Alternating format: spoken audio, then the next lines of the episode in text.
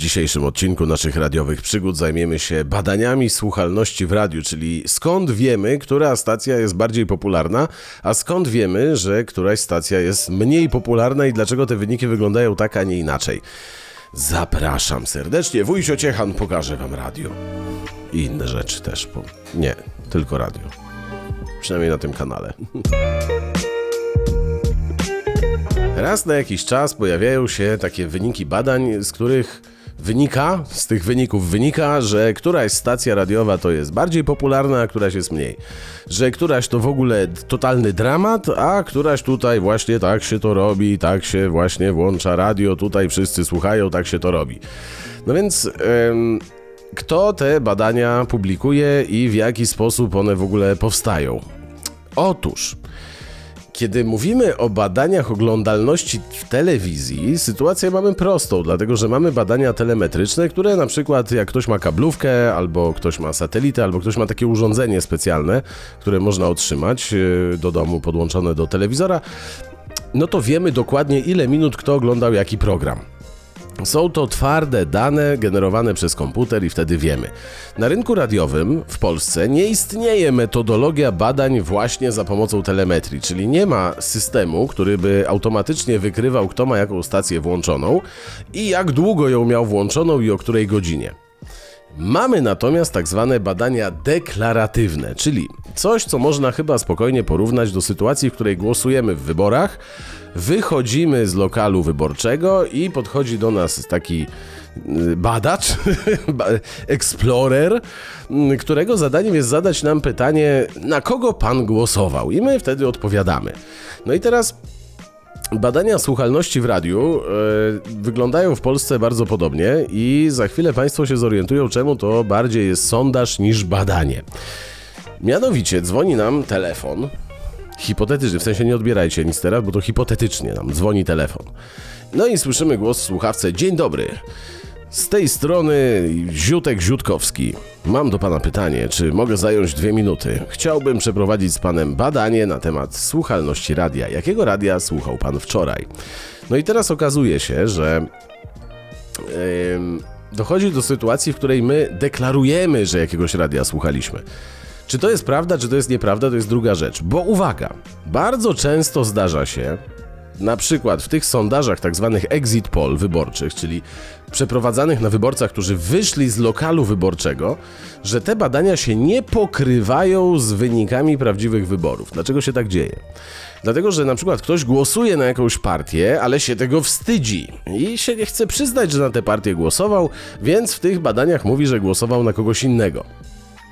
No i teraz, co w sytuacji, w której ktoś nam zadaje pytanie przez telefon, jakiego radia pan słuchał, a my radia to w zasadzie tak słuchamy trochę, bo jest. No bo wsiadam do auta i jest jakieś radio i ono sobie tam gra. Dopóki mnie nie denerwuje, to niech sobie gra dalej.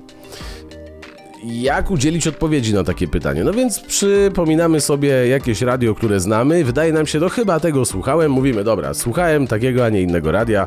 Słuchałem RMF FM. No i wtedy ktoś nas zapytuje, no dobrze, jak długo go pan słuchał? Albo o której godzinie go pan słuchał? No i my mówimy, że tak słuchałem od 7 do 15. Longiem słuchałem non-stop. Aha, no dobrze. I następne pytania się pojawiają. No i teraz uwaga. Te badania po odpowiedniej obróbce pokazują, jaki udział w rynku ma która stacja radiowa. Czyli ze stacji ogólnopolskich, czy więcej ma Radio Z, czy więcej ma RMF FM, czy więcej ma Polskie Radio, Trójka na przykład, a może lokalnie, to no, lokalnie to już są zupełnie inne badania, no bo ogólnie w skali kraju może rządzić Radio Z, ale w Warszawie RMF FM e, jest na przedzie, drugie jest, nie wiem, tam Radio Color na przykład, a trzecie coś innego. Zatem e, w skali globalnej, w skali lokalnej i tak dalej te badania następnie są przetwarzane. Jaki tutaj mamy problem? Problem pojawia się w sytuacji, w której respondent, z którym rozmawiamy, nie do końca de facto wie, jakiego radia słuchał, bo jemu się wydaje, że on wie, jakiego radia słuchał. Dlatego ja mówię, że te badania słuchalności to jest pewien sondaż, który mówi, która stacja jest bardziej rozpoznawalna. Oczywiście te badania są, podobają się tym, którzy mają wysokie wyniki w tych rezultatach, to mi mówił e, Smolo kiedyś, e, szef antyradia, że żeby podchodzić na chłodno do wyników słuchalności, że na chłodno, raz spadło, raz wzrosło, spokojnie patrzmy na trend, czy on jest do góry, czy w dół. Dlaczego to jest ważne? Bo te badania pokazują nam, która stacja de facto jest najbardziej rozpoznawalna.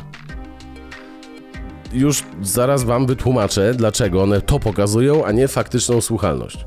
Te badania pokazują nam, której stacji słuchaczom wydaje się, że słuchali, a nie tej, którą rzeczywiście słuchali.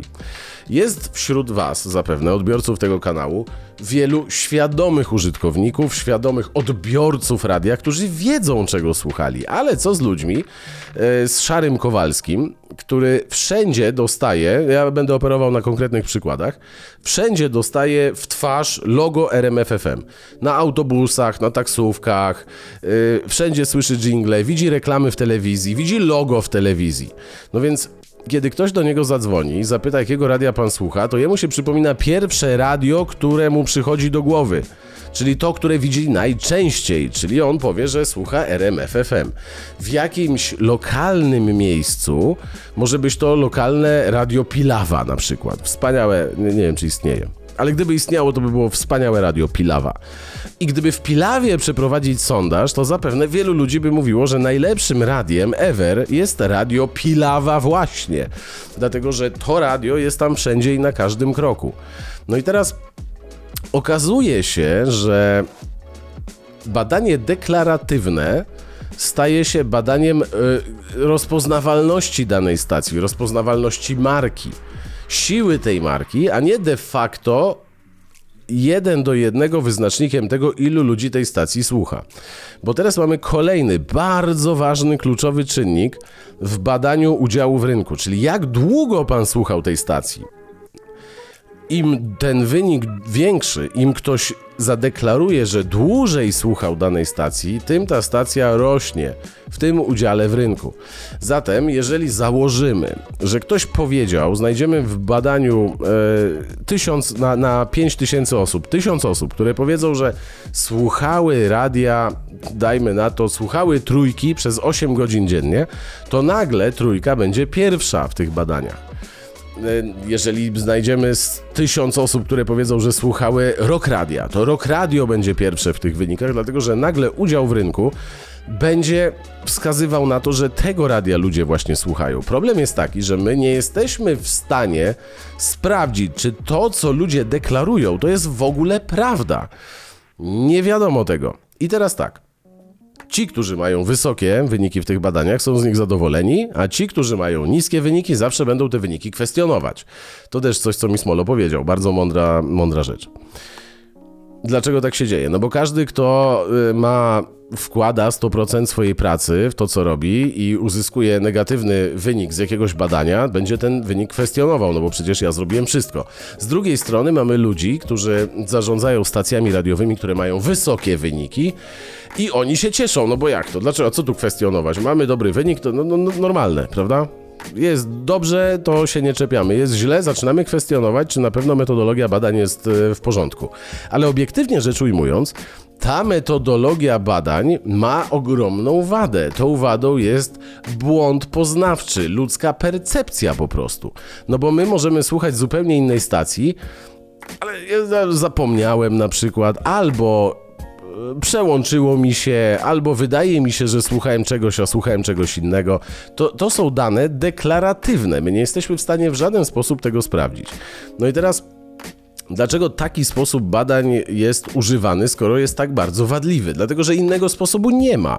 Słyszałem od Mariusza kiedyś e, Infuleckiego, że to jest świetny dziennikarz radiowy, który spędził wiele lat w Stanach Zjednoczonych, e, gdzie, gdzie mm, w Chicago również otworzył radio do spóły z ze znajomymi. I mi powiedział, że w Stanach słuchalność bada się tak, że na stacjach benzynowych są mikrofony, podjeżdża samochód i ktoś, kto tankuje auto, jak podjeżdża, to ma włączone radio, opuszczone szyby albo otwiera drzwi i my wiemy, jakiego radia słucha i te mikrofony to sczytują i w ten sposób powstają e, wyniki słuchalności. Nie wiem, nie widziałem tego systemu w akcji. E, system triangulacji radiowej który był użyty do złapania Pablo Escobara na przykład, czyli jeździ samochód i sprawdza, która, jaki sygnał, które radio nadaje, z jakiej odległości, czy jesteśmy bliżej, dalej, trzeba zawrócić, to sygnał jest mocniejszy i wracamy. Czy to jest właściwa metoda na badanie słuchalności radia? Nie wiem. Wiem natomiast, że radia internetowe mają z jednej strony łatwiej, a z drugiej strony mogą też łatwiej wynikami manipulować. Bo kiedy emitujemy sygnał w radiu albo umieszczamy podcast, to dokładnie widzimy, tak jak ja na moim kanale YouTube, widzimy dokładnie liczbę odtworzeń, widzimy czas utrzymania uwagi, czyli de facto czas oglądania tego filmu, czy ktoś wyłączył w pierwszej minucie, czy obejrzał do końca i ilu to było ludzi procentowo coś, czego radio liniowe i media liniowe, e, no inne niż telewizja, nie mogą sprawdzić. Telewizja, tak jak mówiłem, ma taką możliwość, są specjalne urządzenia, do tego jest telemetria. Natomiast w radiu są to badania deklaratywne. W internecie natomiast możemy to sobie sprawdzić. Ten film obejrzało tylu i tylu ludzi, 35% wytrzymało do połowy, albo 70% wytrzymało do połowy. To są badania możliwe do sprawdzenia. Manipulować natomiast dalej tym można w taki sposób, że możemy podawać, że mieliśmy na przykład milion odtworzeń, mimo że de facto unikalnych użytkowników było 100, ale każdy z nich 10 tysięcy razy sobie ten film obejrzał. No i co teraz? Mamy 10 milionów odsłon i jesteśmy sławni. Także to. Manipulacja wynikami słuchalności, wynikami e, deklaratywnymi słuchalności, albo nawet wynikami tymi cyfrowymi jest naprawdę bardzo łatwa. Byłem świadkiem wielu sytuacji, kiedy działy handlowe w komercyjnych stacjach otrzymywały wyniki słuchalności w Excelu i tak ustawiały te tabelki, żeby pokazać klientowi, że w... nasza stacja jest numerem jeden. Tylko nie wspominali o tym, że tak zmanipulowali wiek odbiorców, grupę docelową, wykształcenie, zmanipulowali dochody, które ten odbiorca ma że nagle ta stacja wyszła na pierwszym miejscu, bo w tym badaniu, od którego zaczęliśmy, padają pytania o to, ile pan zarabia, jakie pan ma stanowisko, czy pan ma żonę i tak dalej. E, czy pan ma dzieci, e, w jakim mieście pan mieszka, dużym czy małym. Mając taki komplet danych w Excelu, możemy tak zmanipulować wynik, że na przykład wśród ludzi, którzy mają 20 lat i zarabiają ponad 15 tysięcy złotych, moja stacja jest numerem 1. I wtedy idziemy do reklamodawcy i mu mówimy, zobacz, o, tutaj po prostu jesteśmy numerem jeden, wygrywamy ze wszystkimi. Zatem pewna niedoskonałość e, w tych, w, ty, w tych badaniach powoduje, że my de facto nie wiemy, kto ile której stacji słucha. My wiemy, kto ile twierdzi, że danej stacji słucha. Czy to jest prawda? No może być, a może nie być to prawda. No i co za tym idzie? Obracamy się i poruszamy przez to, że te badania właśnie tak, a nie inaczej wyglądają, w trochę wymyślonej branży. Bo wymyślamy sobie tak, słuchacza sobie wymyślamy, no bo chcemy robić program dla gościa, który ma wyższe wykształcenie, skończył studia, no to jeszcze do tego dużo zarabia, to drugi punkt, trzeci ma dzieci, żonę, czwarty pracuje na etacie i tak dalej. Wymyślamy sobie takiego słuchacza. Następnie wymyślamy sobie, czego on chce słuchać, bo nam się wydaje, albo z jakichś tam badań deklaratywnych znowu, wynika nam, że taki słuchacz to lubi na przykład jabłka, jazz yy, i ognisko palić sobie. I wokół tego budujemy content, treść, którą mu dostarczamy i sprawdzamy, czy to jest skuteczne, czy on jest konsumentem tej treści, czy może jest to kompletnie nietrafione. Ale u samych założeń leży fakt, że myśmy to wymyślili. Dalej, po co te badania słuchalności w ogóle są? Przecież one nie są dla słuchaczy. Słuchacze i tak słuchają jakiegoś radia. Te badania słuchalności są dla reklamodawców żeby reklamodawcy pokazać, że my jesteśmy pierwsi, że my jesteśmy, mamy taki udział w rynku, jesteśmy na piątym miejscu w tym mieście, więc u nas cennik reklam jest taki. No więc opierając się na wymyślonych badaniach słuchalności, oferujemy usługę, która się, po, która się nazywa po prostu reklama. My sprzedajemy reklamę. Za ile my sprzedajemy tę reklamę? No jest cennik. Tylko, że rabaty w radiu sięgają 75% kwot cennikowych. Więc znowu, kwoty w cennikach też mamy wymyślone. Idziemy dalej. Wymyślamy, do ilu ludzi ta reklama dotarła, bo wracamy do wyników badań, które są deklaratywne, czyli de facto wymyślone znowu. Więc pracujemy w wymyślonej branży. Czy to jest prawda, czy to jest nieprawda i czy Państwo się z tym zgadzają? Zapraszam do komentarzy pod spodem. Może zdarzyło się, że ktoś z Państwa brał udział w takim badaniu słuchalności i na przykład mógłby opisać tutaj w jednym z komentarzy, jak to wyglądało. Mam nadzieję, że chociaż odrobinę przybliżyłem mniej więcej kwestię tego, dlaczego jedni dyskutują z wynikami słuchalności w Polsce, e, stacji radiowych oczywiście, a inni z tym nie dyskutują i im to odpowiada po prostu.